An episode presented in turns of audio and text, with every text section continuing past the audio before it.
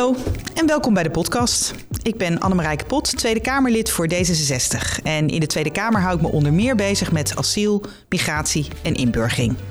Een hele interessante portefeuille waar zowel in de Tweede Kamer als daarbuiten heel veel discussie over is. En in de podcast spreek ik met mensen die met migratie en asiel bezig zijn of die er zelf ervaring mee hebben. En het voordeel van een podcast is natuurlijk dat je een echt gesprek kunt voeren. En dat doe ik graag. Om meer inzicht te krijgen in hoe het echt zit voor beide one-liners en de krantenkoppen. En een gesprek, nou, dat voer je niet alleen. Dus vandaag weer in het gebouw van de Tweede Kamer zit naast mij Thomas Martinelli. Wat leuk dat je er bent. Ja, heel erg bedankt voor de uitnodiging. Ik, uh, ja, elke kans die ik krijg om over mijn onderzoek te vertellen, dat, uh, die greep ik aan. Dus, nou, dat, uh, daar maak ik graag gebruik van, dus heel fijn. Hey, je bent onderzoeker, antropoloog en criminoloog. Dus kun je wat zeggen over het onderzoek wat je zal doen? Want dat is, een heel, dat is heel breed. Ja, zeker. Ja, ja. En, en dat is ook wel het voordeel van het onderzoeksinstituut waar ik werk, IVO en, en Platform 31. Waar staat IVO voor? Uh, het staat oorspronkelijk voor Instituut voor Verslavingsonderzoek. Ja? Uh, tegenwoordig doen we veel meer eigenlijk. En uh, ja, het leuke aan, aan, daar werken is dat je gewoon heel veel variatie hebt aan onderzoeksmethoden. Hè? Dus van wetenschappelijk tot actieonderzoek, kwalitatief, kwantitatief. Dat is eigenlijk allemaal wel gedaan daar zo. Um, je komt in hele verschillende settings. Soms zit ik in ministeries, uh, soms in een nachtopvang of in een gevangenis. Uh, dus uh, dat is heel leuk dat je op al die plekken kan komen. En um, ja, ook qua thema's is het best wel uiteenlopend. En uh, nou, dat zei ik net ook een beetje, het lijkt, lijkt heel gevarieerd. Uh, de onderzoek naar vluchtelingenopvang, uh, drugs, verslaving, ehm, gevangenissen. Maar eigenlijk zeg maar de rode draad daardoorheen is eigenlijk dat het gaat om mensen die in, ja, zich in kwetsbare situaties bevinden. En die eigenlijk met allemaal dat soort dingen te maken kunnen krijgen vanwege die situatie waar ze in zitten eigenlijk. Ja. ja. En nou heb je enkele maanden geleden een onderzoek gedaan. En daar ging ik natuurlijk heel erg op aan. Want dat ging over wat kunnen we nou leren van de opvang van Oekraïense ontheemden. En de ervaring met opvang tijdens de Balkanoorlog in de jaren negentig. Mm -hmm. Dus eigenlijk een beetje ja, historisch bijna. Hoe, ja. hoe kwam je daarbij? Uh, nou goed, ja. Uh, onderzoekswerk vaak in opdracht. Dus uh, het is niet uh, dat je het helemaal zelf verzint van ik wil daar onderzoek naar doen. Het was in, in dit geval kwam er een vraag vanuit gemeenten. Mm. Het was de, de G40, zeg maar de grote. Het zijn 40 grote gemeenten in Nederland die samen een clubje hebben. En die hadden eigenlijk heel veel vragen over de opvang van Oekraïners. En ehm, zij zagen eigenlijk ook al dingen. Hè, de wat meer ervaren mensen zagen al dingen die ze ook herkenden van, van die tijd in de Balkanoorlog. dus daar kwam eigenlijk die vraag vandaan. Um, en over die focus, hè, dus ga je nou de, de Balkanoorlog vergelijken met, met die situatie nu uh, met de Oekraïners. Uh, ik herinner me dat we daar in het begin, ik samen met mijn collega Lisanne, met wie ik het rapport schreef, best wel wat, ja, een beetje twijfels over hadden en ook wel kritisch naar keken van waarom, waarom doen we nou eigenlijk die vergelijking? Want er zijn ook nog andere vluchtelingenstromen geweest in de tussentijd natuurlijk. En mijn eerste gevoel was, nou, is het dan omdat het om witte mensen gaat? Hè? En, en is dat dan wel genoeg om ze met elkaar te vergelijken? Um, maar nou ja, nadat we ons wat meer gingen verdiepen ook erin en um, uh, kwamen wel wat, wat overeenkomsten tegen die echt wel die vergelijking ook verantwoorden. Um, nou ja, bijvoorbeeld uh, dat, uh, dat er een EU-regeling werd ingezet, hè, waardoor de Oekraïners buiten alle reguliere procedures om in Nederland opvang konden krijgen. Ja. Dat was in de, in de Balkanoorlog ook zo met voormalig Joegoslaven. En um, een andere belangrijke overeenkomst was dat gemeenten verantwoordelijk waren voor de opvang. Mm -hmm. En dat is nu met de Oekraïners ook zo. Ja, dus, ja, nou ze ja, zaten eigenlijk best wel wat. En, en had dat dan. Ja, kun je er iets over zeggen van waarom nou bijvoorbeeld inderdaad dan zo'n uh, zo'n besluit genomen wordt en werd. Uh. Om dat op, de, op die manier te doen. En niet zoals dat we dat uh, had dat te maken met aantallen of had dat te maken met, met andere dingen? Ja, um, het heeft met aantallen te maken. Dus het is een grote instroom. En, ja. en de capaciteit, uh, nou, bij het COA was die er sowieso al niet. Hè. We kennen allemaal de beelden van vorig jaar dat daar al echt uh, dat ze daar over de max heen zaten. Um, nou, dan kwam daar een hele grote groep bij. Dus sowieso ging het al niet qua aantallen. Um, en ja, omdat het in het verleden ook via die gemeente is, is, zo is gelopen. Zij kunnen natuurlijk sneller um, lokaal dingen organiseren. Ja. Ook in contact staan met lokale partijen. Um, dus ja, het is, het is wel uit nood eigenlijk gedaan. Mm -hmm. uh, maar het heeft ook weer zijn voordelen. Ja, ja. absoluut. Nou, nou viel me sowieso op, op uh, als je jullie rapport leest... dan beginnen jullie eigenlijk ook met een heel... ja, bijna een soort beschouwing over vluchtelingenbeleid in historisch perspectief. En dat, ja, eigenlijk een beetje hoe zijn we nou gekomen waar we nu zijn. En voor mhm. mij, nou ja, ik zit natuurlijk in de hysterie van, van, de, van iedere dag. Mhm. Dus, dus ja, ik vond, dat, ik vond dat heel interessant. Welke dingen vielen jou daar zelf in op als je nou terugkijkt? Ja, um, ja ik, ik, ik vind dat zelf wel heel belangrijk. Want ik, ik zeg altijd, als je, je moet weten waar je vandaan komt om, om te weten waar je naartoe gaat. Uh, heb ik niet zelf bedacht, die zin, maar... Hè, dat, uh, wel een hele goede quote, ja, ik vind dat echt... Uh, ik ben er echt van overtuigd. En um, dus ik ging, nou, we gingen terugkijken hè, ten eerste al naar die tijd, naar de jaren negentig van de Balkanoorlog. Nou, wat we daar als eerste tegenkwamen was die EU-regeling. Dus de, uh, dat tijdelijke bescherming voor, voor de opvang van ontheemden, waardoor ze dus buiten de reguliere asielprocedures opgevangen konden worden. En ja, dan gingen we ook kijken van waar komt dat dan vandaan, hè? dat de EU uh, dat soort regelingen maakt. Nou, dan ga je eigenlijk weer terug naar waar komt het vluchtelingenbeleid van de EU vandaan. Nou, en dan kom je eigenlijk in de situatie net na de Tweede Wereldoorlog kom je terecht. En um, nou, wat daaraan opviel was dat uh, in de eerste instantie dat vluchtelingenbeleid komt uit een uh, uit compassie voor, voor degene die vluchten. Hè? Uit, uit, een soort uh, ja, best wel een nobel compassiegevoel. Iedereen die, die had nog de, de nare gebeurtenissen van de holocaust in zijn gedachten. Um, Joden die binnen Europa ook probeerden te vluchten, maar tegen grenzen aanliepen en, en bepaalde landen geen toegang toe kregen. Ja, precies, ja. Tegelijkertijd, als je nu kijkt naar, of niet alleen nu, maar ook in het verleden, naar de debatten over het vluchtelingenbeleid. En dan gaan die vaak niet over de zorgen van de vluchtelingen zelf. Die gaan vaak juist over de zorgen waar de landen die vluchtelingen opvangen tegenaan lopen. alleen al het woord vluchtelingencrisis, waar we het over hebben, uh, ja, dat gaat niet over de crisis van die mensen die vluchten, maar over de crisis van de landen die ze opvangen. Ja.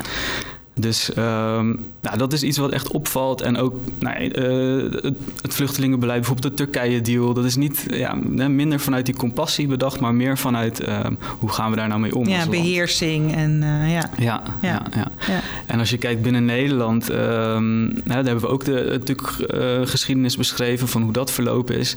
En wat mij daaraan opviel, wat echt is blijven hangen, is dat we ons eigenlijk steeds laten verrassen door vluchtelingenstromen. Mm -hmm. Elke keer is het, um, hè, of het nou nou de, de Tamil waren uit Sri Lanka of de uh, voormalig Joegoslaviërs, uh, Syriërs, telkens komt er een grote stroom en dan is het, oh, er komen ineens heel veel mensen, wat moeten we daarmee? We hebben eigenlijk geen plek, uh, het is niet geregeld. En, en dan moet er uit noodweer moeten er allerlei oplossingen worden bedacht. Um, maar ja, dat is dus wel ja, eigenlijk altijd een kenmerk van een vluchtelingenstroom. Dat ontstaat nou eenmaal plotseling en, en met veel tegelijk. Dus ja. eigenlijk, ja, ik... Je weet dat dat altijd wel kan gebeuren. Ja, ja. ja, dus daardoor dat viel mij wel echt op. En ik kwam ook een beetje het idee van, nou ja, kun je daar niet dan toch op anticiperen op de een of andere manier? Nou, dat is op zich wel eens iets waar we hier in dit gebouw ook wel eens over praten, kan ik je zeggen. Ja, zeker. ja. Nee, maar mooi. Ja, dit is inderdaad, uh, nou ja, goed punt inderdaad. Zonder te weten waar je vandaan komt, weet je ook niet waar je naartoe moet. Zeker, ja. nou, je had het eigenlijk al een klein beetje over uh, wat overeenkomsten hè, tussen, mm -hmm. tussen, de, tussen de, uh, de tijd dat de vluchtelingen uit de Balkan hier naartoe kwamen ja. en, en nu eigenlijk met de, de, de Oekraïners die naar mm -hmm. Nederland zijn gekomen. Kun je nog meer zeggen eigenlijk over, de, over die overeenkomsten en verschillen? Zitten daar nog dingen in? Ja, dus uh, nou, die overeenkomsten, dus die, dus die EU-regeling, de, de TROO, de tijdelijke regeling opvang in, in, in, Nederland ook. Dat was de regeling destijds met de Balkanvluchtelingen, toch? Uh, ja, die werd toen ook uh, gedaan en, en die zien we nu dus ook. Ja. ja. En eh, nou, de andere overeenkomst was dat gemeenten dus verantwoordelijk ehm, zijn voor de opvang. En die noodsituatie dat er eigenlijk geen capaciteit was. in de Balkanoorlog zag je dat ook, dat mensen in maisvelden sliepen en, uh, of in kazernes werden omgebracht, eh, ondergebracht. Ja. En um, nou, dat zie je nu eigenlijk ook, dat er allerlei creatieve oplossingen bedacht worden voor die opvang. En een andere belangrijke uh, overeenkomst, uh, die ik net niet noemde, is die tijdelijkheid uh, van het verblijf. Dus er werd echt ingezet op tijdelijk verblijf. Um, de opvang die was tijdelijk. En dat had eigenlijk veel onzekerheid tot als gevolg voor de, voor de mensen die daarin verbleven. En dat zie je eigenlijk nu ook. Ja, weer. want jullie, jullie rapport heet ook de twijfel van tijdelijkheid. Ja. En dat gaat eigenlijk over dat, dat toekomstperspectief van beide groepen vluchtelingen. Mm -hmm. Want dat is, dat is echt fundamenteel anders als hoe we omgaan met reguliere asielzoekers in Nederland, toch? Mm, ik weet niet of dat uh, helemaal anders is. Mhm. Ja, ik denk dat, er, dat ook de mensen in de reguliere asiel, uh, die in de reguliere asielprocedures terechtkomen, te maken hebben met die, met die twijfel van tijdelijkheid. Mhm. En dat heeft te maken onder andere met hoe lang de asielprocedures doen. Zeker. dus ja. je blijft eigenlijk heel lang in een soort onzeker, onzekere situatie. Vervolgens duurt het ook heel lang voordat je toegang krijgt tot allerlei faciliteiten en, en voorzieningen in de maatschappij. Um, ja, die tijdelijkheid van je, van je verblijfsstatus, de tijdelijkheid van de opvang, de tijdelijkheid van de rechten die je hebt, dat heeft ja, eigenlijk dat beïnvloedt alles in je leven. Ja. Dat, um, en, en, je ziet ook dat heel veel instituties in Nederland zijn er niet op ingericht. Want kijk bijvoorbeeld naar het onderwijs. Hè. Dat is echt, nou, dat is uh, vaak een schakelklas duurt al uh, vaak een paar jaar. Hè, als je van, vanuit het buitenland naar Nederland uh, wil. Een opleiding duurt een paar jaar. Ja, als jij niet weet of je überhaupt langer dan een jaar in Nederland kan blijven, dan, is dat, dan sluit Ja. dat helemaal niet aan zeg Nee, maar, bij, precies. bij dat soort dingen. En um, ja, ik denk, wij zijn sowieso een, een maatschappij van vooruit plannen. Hè? Ja. Nu ploeteren om later de vruchten te kunnen plukken. Dat is eh, eigenlijk echt hoe wij, hoe wij leven. Dus ja, je kunt je voorstellen dat als je gewoon niet, uh, niet weet of, of waar je naartoe gaat, of dat er wel is, dat dat, ja, dat, dat alles beïnvloedt. En, Ja. en je leven staat echt stil. Ja. En dat, dat, ja, dat zorgt En dat is voor natuurlijk veel, eigenlijk ook heel zonde voor eh, Nederland. Want je haalt dan ook eigenlijk niet alles uit mensen wat je eruit kan halen natuurlijk. Want als je ja, echt een, een goede opleiding wil volgen, als je werk wil doen wat op je niveau is. Hè, dat zie je natuurlijk nu met veel Oekraïners ook. Die natuurlijk eigenlijk ja, blijven hangen eigenlijk in tijdelijke baantjes. Mhm. Eh, uitzendwerk. Het is natuurlijk al fantastisch dat mensen aan het werk zijn. Laten we daarmee beginnen. Ja. Eh, maar het zou natuurlijk heel mooi zijn als mensen natuurlijk ook echt konden investeren in hun toekomst in Nederland. Maar de vraag is natuurlijk een beetje, ja, Ja. blijven ze wel hier? Zeker, Ja. ja. En waar ik zelf net op doelde, is natuurlijk op het moment dat je een vluchteling bent uit Syrië bijvoorbeeld, dan is Mhm. inderdaad precies wat jij zegt. Dat begin van het proces is natuurlijk vreselijk onzeker. En, en, en ook heel frustrerend, natuurlijk, zeker op dit moment voor heel veel mensen. Mhm. Maar op een gegeven moment krijg je dan een verblijfsvergunning. Ja. Ehm, en weet je dan dat je in ieder geval wel bijvoorbeeld een, een, een post kunt blijven. Ja, waar het voor zeker. Oekraïners natuurlijk eigenlijk iedere keer weer de vraag is. Eh, ja, tot wanneer blijven we? Geen idee. Mhm. Ehm, nou ja, goed, daar zit nog wel wat. wel Ja, wat zeker. En, Ja. en, en ook wat je zegt van het, het, eh, als Nederland missen we er wat aan, omdat mensen kunnen ook hier iets opbouwen, maar tegelijkertijd ook, ik zou zeggen, ja, maakt het heel erg uit of ze nou hier blijven of weer teruggaan. Want we, als je ze hier helpt om weer door te gaan met het leven, Zeker. kun je ze ook weer helpen om, om straks hun eigen land weer op te bouwen. Dan, dan maak je ze ook Ja. weer sterker daarvoor. Dus, ja, klopt. nou goed, Nee, dat kan twee kanten zo. op. eh, dat is zeker zo. Ja. ja. Nou, eh, zag je natuurlijk bij de komst van de Oekraïense ontheemden eh, naar Nederland, eh, zeker ook aan het begin van de oorlog, hè, iets meer dan een jaar geleden, mhm. zag je een enorme betrokkenheid van de samenleving. Dus Ja. mensen die zelf mensen thuis gingen opvangen en gingen helpen aan werk en allerlei dingen, die, allerlei initiatieven die daaromheen eh ontsproten. Ja. Was dat nou in de jaren negentig ook zo met mensen uit Joegoslavië? Ja. Hoe zat dat met draagvlak, zeg maar, waar het dan altijd over Mhm. gaat? Ja, ja nee, dat, dat- en toen zag je dat ook. eh, het draagvlak was, was eigenlijk heel groot. Hè? Ehm, dat had verschillende, eh, verschillende oorzaken. Enerzijds ehm, werden, waren toen heel veel, eh, of eh, heel erg invloedrijke beelden in de media te zien van, eh, van de oorlog in, de, in Joegoslavië. Waardoor mensen echt, ja, kregen gewoon hele gruwelijke dingen te zien. En die hadden echt zoiets van, nou, dit, dit gaat echt te ver, dit kan niet, hier moeten we wat, wat mee doen. Dus dat hielp, zeg maar, voor dat draagvlak. Ehm, en veel mensen kenden het land ook. Hè? Heel veel Nederlanders gingen altijd op vakantie, vakantie naar Joegoslavië. ja, dus waar, die hadden ja. al best wel positieve associaties ermee. En eh, ja, het, het zijn mensen die op ons lijken ook. Hè? Ze zijn Ja. wit. Ehm, Veel mensen dachten dat ze ook christelijk waren. Nu zaten ook heel veel moslims bij. Daar, maar dat hadden mensen in de eerste instantie niet echt door. Eh, maar ja, ook- Er zit toch een soort, ja, dat is gek toch eigenlijk. Het ook wel een soort, soort eh, het voelt een beetje cynisch, zeg maar, maar er Ja. roept wel iets heel moois op. ja, mensen. het is, het is Ja. makkelijker om je ermee te identificeren als Ja. iemand op je lijkt. Ja, hoe eh, hard dat ook is Ja, eigenlijk. ja, ja, inderdaad. Maar je ziet natuurlijk eigenlijk nu ook wel de worsteling, hè? want we zijn natuurlijk nu Mhm. eh, nou, iets meer dan een jaar verder. Ja. En ehm, ja, hoe zorgen we nou voor voldoende opvang? Waar moeten mensen wonen? Want zeker Mhm. als ze natuurlijk wat langer blijven. Ehm, hoe was dat toen? Er zijn er ook dingen waar we wat van kunnen leren misschien. Nou, zeker. Want de, um, toen uiteindelijk is dat draagvlak is wel echt ook een stuk minder geworden. Hè? Waar mm mensen in het begin. Dus een heel... soort wittebroodstijd en daarna. Ja, ja, ja, inderdaad. Ja. En, en waar in het begin gemeenten die die opvang regelden nog heel goed met lokale partijen steeds konden afstemmen. Dat hielp natuurlijk ook heel erg voor het draagvlak. Um, ja, op een gegeven moment uh, zaten die mensen zo lang uh, in de Balkanoorlog in, in die tijdelijke situatie. Er was verveling, ze konden niks doen, ze konden niet werken, mm. ze konden niet uh, naar onderwijs volgen. En ja, dat leidde tot allemaal frustratie.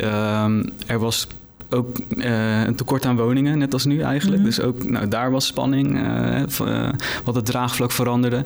Dus nou ja, toen kreeg je op een gegeven moment ook zelfs berichten over de, de Jugo-maffia. Die had eigenlijk helemaal niks te maken met, uh, met de vluchtelingen uit Joegoslavië. Maar dat, gaf, dat veranderde toch ook wel weer het draagvlak. Dus je zag dat dat wel echt afnam. En, en dat mensen op een gegeven moment ook dachten van... ja, dit uh, duurt wel een beetje lang. En uh, wat ja. moeten we hier nou mee ja, uiteindelijk? Hè? Ja. ja. Zijn er nou heel veel Joegoslav mensen uit Joegoslavië uiteindelijk ook in Nederland gebleven? Of zijn de meeste mensen toch wel weer teruggegaan? Nou, eigenlijk zijn bijna alle eh, vluchtelingen wel in Nederland gebleven. Er zijn mhm. heel weinig mensen teruggekeerd naar Joegoslavië. Okay. Ja. Nou, zien we, want dat is natuurlijk in, dit licht ook wel een interessante vraag, omdat uh, wat we voor Oekraïners eigenlijk nog helemaal niet hebben geregeld, is alles wat, wat we voor asielzoekers wel doen, is alles wat te maken heeft met integratie en inburgering. Dus mhm. als je asielzoeker bent, dan, ja, dan ga je een inburgeringstraject volgen. Daar hoort kennis van de Nederlandse maatschappij bij en de taal. Ja. En uh, voor Oekraïners hebben we de komende tijd wel meer geld uitgetrokken voor taallessen. Dat is natuurlijk heel goed, maar het is mhm. toch een beetje halfslachtig beleid. Ja. Um, en dat is, dat, dat is ook wel omdat heel veel Oekraïners in Nederland nog wel twijfelen of ze nou uiteindelijk teruggaan of niet. Hmm. Uh, dus ja, dan is inderdaad ook de vraag: ja, wat kun je daar dan van leren als je kijkt naar die mensen uit Joegoslavië die toch misschien ook niet uh, in grote getalen terug zijn gegaan, zoals je net zei? Ja, nee, inderdaad. Um, ja, en ik denk dat ook hier belangrijk is om, om dan toch een deel van die onzekerheid weg te halen over, mm. over je, je verblijfstatus. En nou ja, nu inderdaad, uh, omdat Oekraïners zijn niet inburgeringsplichtig. Hè, dus aan de ene kant ja, is dat, uh, kun je zeggen, nou ja, ze weten ook niet of ze willen blijven. Dus dat, valt te Het is ook bij mensen zelf inderdaad. Ja, hè? De ja. Oekraïners die ik spreek in ieder geval... zijn zelf ook nog heel ambigu of ze... Zeker. Eigenlijk sterker nog, de meeste mensen zeggen eigenlijk nog steeds... ik ga gewoon terug. Ja, ja. ja, Dus... Aan de ene kant hè, heel goed te begrijpen. Tegelijkertijd mis je daardoor ook wel weer toegang tot bepaalde dingen, zoals, zoals taalles en, en, en, en, onderwijs ook en dat soort dingen. Um, nou, ja, ik, wat ik net al eerder zei, van, hè, die situatie van de oorlog kun je niet veranderen. En de situatie dat, dat zij ook nu niet weten of ze nog gaan blijven, kun je ook niet veranderen. Um, wat je wel kunt doen, is gewoon zoveel mogelijk barrières weg, weghalen, waardoor ze wel hun leven op de een of andere manier kunnen oppakken en weer doorzetten. En of ze dan uiteindelijk in Nederland blijven of, of weer terugkeren naar Oekraïne. Ze kunnen in ieder geval door met hun leven en, en um, um, ja, weer op kracht te komen. Hè? Want zo'n oorlogvlucht is heel erg traumatisch. Daar, daar uh, heb je ook um, even de, de tijd en rust voor nodig om daarvan uh, te herstellen en, en om weer uh, ja, de, de tegenaan te gaan hoe je, hoe, je dat ook, hoe je dat ook invult. Dus voor mij Hè, voor, voor de aanpak die je moet doen, zou het voor mij niet zoveel uitmaken of ze nou blijven of niet. Zorg gewoon dat mensen um, niet stilstaan. Zorg dat ze gewoon door kunnen ontwikkelen. Zorg dat ze naar school kunnen, hoger onderwijs kunnen volgen. Um, banen kunnen krijgen. Hè? Niet alleen de, de laag opgeleide banen, of, uh, maar ook, ook banen waarvoor ze wel opgeleid zijn. Ja. Uh, daar is voor heel veel vraag naar. Ook Zeker, nu, ook, ja. ook onderling. Hè? Ze kunnen elkaar onderwijzen. Er zijn ook psychiaters en psychologen uit Oekraïne die weer mensen hier kunnen helpen. Dus ja, ja ik zou ik zou proberen zoveel mogelijk van die barrières weg te halen. Um, zodat echt te voorkomen dat, ze, dat hun leven stil komt te staan. Ja, nou, oproep. Um, zijn er dan, want dat is natuurlijk een, grote algemenere oproep, maar zijn er nog andere zaken die je nou bent tegengekomen waar we eigenlijk nu al werk van moeten maken om het, om het ja, toch wat beter te doen? Of misschien waren er wel dingen die heel goed gingen in de jaren negentig, die, die we nu niet doen. Um, Ja, mhm. wat moeten we nog ter hand nemen? Ja, Um, nou goed, ik denk dat het belangrijk is om, om echt goed te kijken ook naar die asielprocedures. Want uh, wat je in de jaren negentig ook zag, op een gegeven moment verliep die uh, tijdelijke regeling. En toen moesten al de vluchtelingen uit voormalig Joegoslavië moesten alsnog door de reguliere procedures. Ja. Nou, en dat ja, liep ook weer spaak eigenlijk. En vaak duurde dat ook jaren, waardoor mensen nog langer in die, in die onzekere situatie zaten. Nog langer in die wachtstand eigenlijk. Nog langer in die wachtstand, inderdaad. En uh, ja, dit zie je bij de Oekraïners ook aankomen. Ja. Op een gegeven moment stopt die tijdelijke regeling. Het is nu tot 2024 uh, uh, verlengd. Maar daarna dan? Wat, wat gaan we dan daarna ja, doen? Ik precies. denk dat we daar echt nu al over moeten ja. nadenken. En um, wat ook heel belangrijk is, is om oog te houden voor dat draagvlak. Je ziet dat het nu best wel goed is. Um, ook, uh, dat heeft ook te maken met dat veel uh, Oekraïners al werk hebben gevonden. Nou, nu is dat natuurlijk niet altijd werk wat bij ze past. Um, maar ik denk dat het heel erg belangrijk is om ook voor de, voor de gemeente en de lokale partijen om met elkaar goed te blijven communiceren. Als er zorgen zijn, bespreek het. En, en zorg dat, dat mensen zich gehoord voelen ook ja. als die zorgen er zijn. Ja. Uh, zodat dat draagvlak niet, uh, niet omslaat. En, ja, uh, want, want, dan wordt het nog moeilijker om, om dingen te regelen als, als de samenleving er niet op zit te wachten. Nee, precies. Het, is, het is beter om het aan de voorkant goed te doen. En dat is eigenlijk ook, ook over jouw eerste oproep over die, over die asielprocedures. Mm -hmm. Kijk, we hebben natuurlijk inderdaad denk ik, is het natuurlijk heel verstandig geweest om te zeggen: we doen deze mensen niet vanaf het begin door de asielprocedure. Want ja. dan was natuurlijk, nou ja, de, de, de, de grote uh, moeilijkheden die we natuurlijk nu al hebben in de asielketen waren dan veel groter geweest. Ja, ja. Maar je kunt natuurlijk op je vingers natellen als je natuurlijk na uh, 2024 zou besluiten om dat wel te doen, om al die asielprocedures mm. wel op te starten. Mm -hmm. uh, ja, dan komen er zoveel tegelijk. Ja. ja, dat kan jij natuurlijk eigenlijk ook niet aan. Dus nee, dat is wel, nee, uh, dat nee. is echt ook nog iets om uh, ver vooruit te plannen. Klopt, ja. ja. En, en, de IND liep natuurlijk al helemaal vast voordat ja. de Oekraïners kwamen. Zeker. Dus dat was sowieso al een, een probleem. Ja, ja. absoluut. Um, nou, nou lag de focus van het rapport ligt heel erg op de opvang van uh, Oekraïners. Ja. Maar zijn die uitkomsten die jullie, die jullie hebben, uh, of die, die aanbevelingen, die dingen die jullie hebben gevonden, mm. zijn die nou ook relevant voor die bredere groep reguliere asielzoekers? Dus mensen die uit Syrië en Irak en Afghanistan mm. naar Nederland zijn gekomen? Ja, nou, uh, um, als het gaat over die, die tijdelijkheid hè, en, de, en de schadelijkheid van, van uh, het leven in onzekerheid, dan wijzen alle, alle onderzoeken hè, die de afgelopen jaren zijn gedaan ook naar, naar het verloop van, van de opvang van de Syrische vluchtelingen en, en andere groepen, wijzen erop gewoon, ja, dat dat schadelijk is en dat je, mm -hmm. dat, dat, dat je dat eigenlijk moet voorkomen. Dus hoe langer je in een, uh, in een tijdelijke situatie zit, in een tijdelijke opvang, hoe moeilijker het wordt om je leven weer verder op te bouwen en eigenlijk door te laten gaan. Dus dat is denk ik ja, wel echt de belangrijkste. Dat voor iedereen. Ja, ja eigenlijk wel. Ja. Ja. Ja. nou ja, het is wel grappig inderdaad. We spreken uh, over niet al te lange tijd uh, hier in de Kamer ook over een uh, initiatiefnota die ik heb geschreven. Om te zorgen dat we in ieder geval de, de, zorg voor dragen dat mensen vanaf het begin in het asielzoekerscentrum ook mee kunnen doen. Dus ook bijvoorbeeld aan het werk kunnen. Of, ja. um, en dan neem je niet alle onzekerheid weg. Mm -hmm. um, maar dan zorg je in ieder geval wel dat ze vanaf het begin wat meer onderdeel uitmaken van de samenleving. Ja, zeker. Dat, ja, ja. Ja. ja, ik vind ook dat zie je in de nieuwe inburgeringswet ook wel goed terugkomen. Dat eigenlijk heel veel tegelijk moet gebeuren. Ja. Dus niet, alleen opvang en daarna pas integratie, maar ja, begin gewoon gelijk met allerlei activiteiten. Zorg dat mensen gewoon actief ook in die opvang kunnen zijn. Dat. Uh, ja. Nou, en dan is het mooi, want inderdaad, dat, dat helpt ook weer met draagvlak natuurlijk, omdat mensen elkaar tegenkomen. En dat draagvlak, het elkaar tegenkomen, helpt ook weer met het leren van de taal en het leren van uh, hoe ziet Nederland eruit en uh, wat is mijn plek daarin. Dus, ja, ja, ik denk ja, het wel. drukt eigenlijk op alle knoppen. Mooi. ja. Um, de laatste vraag alweer, mm -hmm. die ik eigenlijk aan iedereen stel die, uh, die op jouw stoel zit. Ja. Want uh, we zitten in het uh, gebouw van de Tweede Kamer. Dus ja, wat zou je aan de politiek mee willen geven? Misschien kijken naar je onderzoek of misschien iets heel anders. Mm -hmm. ja. Waar moeten we mee aan de slag? Um, ja, wat ik zou willen zeggen is: stap af van het idee dat je het vluchtelingen niet te makkelijk moet maken. Hè? Van dat je, um, ja, de procedures uh, niet te soepel moet maken. Ik vind het gewoon, het, het is niet makkelijk om te vluchten. Hè? Uh, het, het, is niet makkelijk om je leven ergens anders op te bouwen.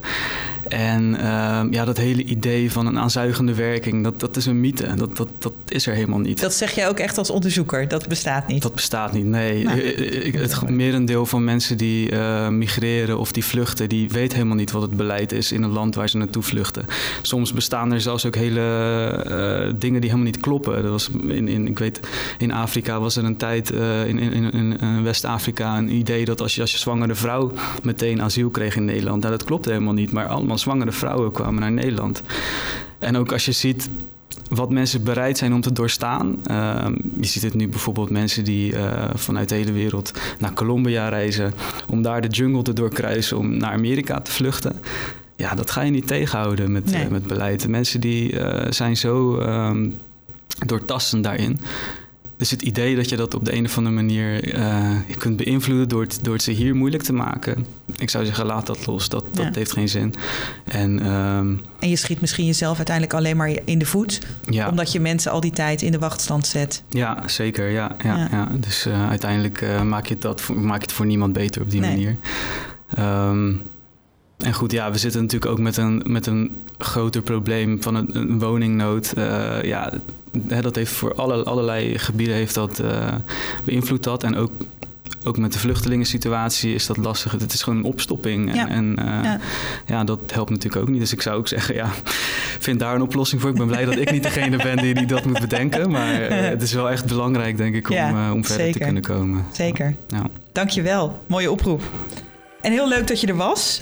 Um. Kunnen nou binnenkort nog meer onderzoek op het gebied van uh, migratie of vluchtelingen van je verwachten? Of ga je nog weer wat heel anders doen? Nou, ik hoop het eigenlijk wel. Maar ja, zoals ik zei, wij werken als onderzoekers vaak in opdracht. Dus ja, uh, ja als, als er een opdracht komt, ik pak hem graag op. En uh, we zijn ook wel in gesprek met, met gemeenten om te kijken of hier nog een vervolg aan te koppelen is. Mooi, interessant. Ook om de, de nieuwe initiatieven voor, voor flexibele woon, woningen en opvang oh, zeg ja. maar, oh, te dat onderzoeken zou interessant bijvoorbeeld. zijn ook. Ja. ja. Nou, ik kijk er met veel belangstelling naar uit in ieder geval. En veel succes. Ja, dankjewel. Uh, ik zal in de show notes in ieder geval uh, dat vergelijkende onderzoek waar we het vandaag over hebben gehad, uh, zal ik ook delen zodat mensen dat ook kunnen lezen als ze dat willen. Heel veel dank aan iedereen die heeft geluisterd. En wil je me nou iets laten weten over de podcast? Of heb je een vraag over asiel en migratie die eigenlijk aan bod zou moeten komen in een van de volgende afleveringen van de podcast? Neem dan contact op via het mailadres in de show notes. En wil je de volgende aflevering niet missen? Dan kan je je abonneren in je favoriete podcast-app. En dan zie je vanzelf wanneer er weer een nieuwe is. Graag tot de volgende keer.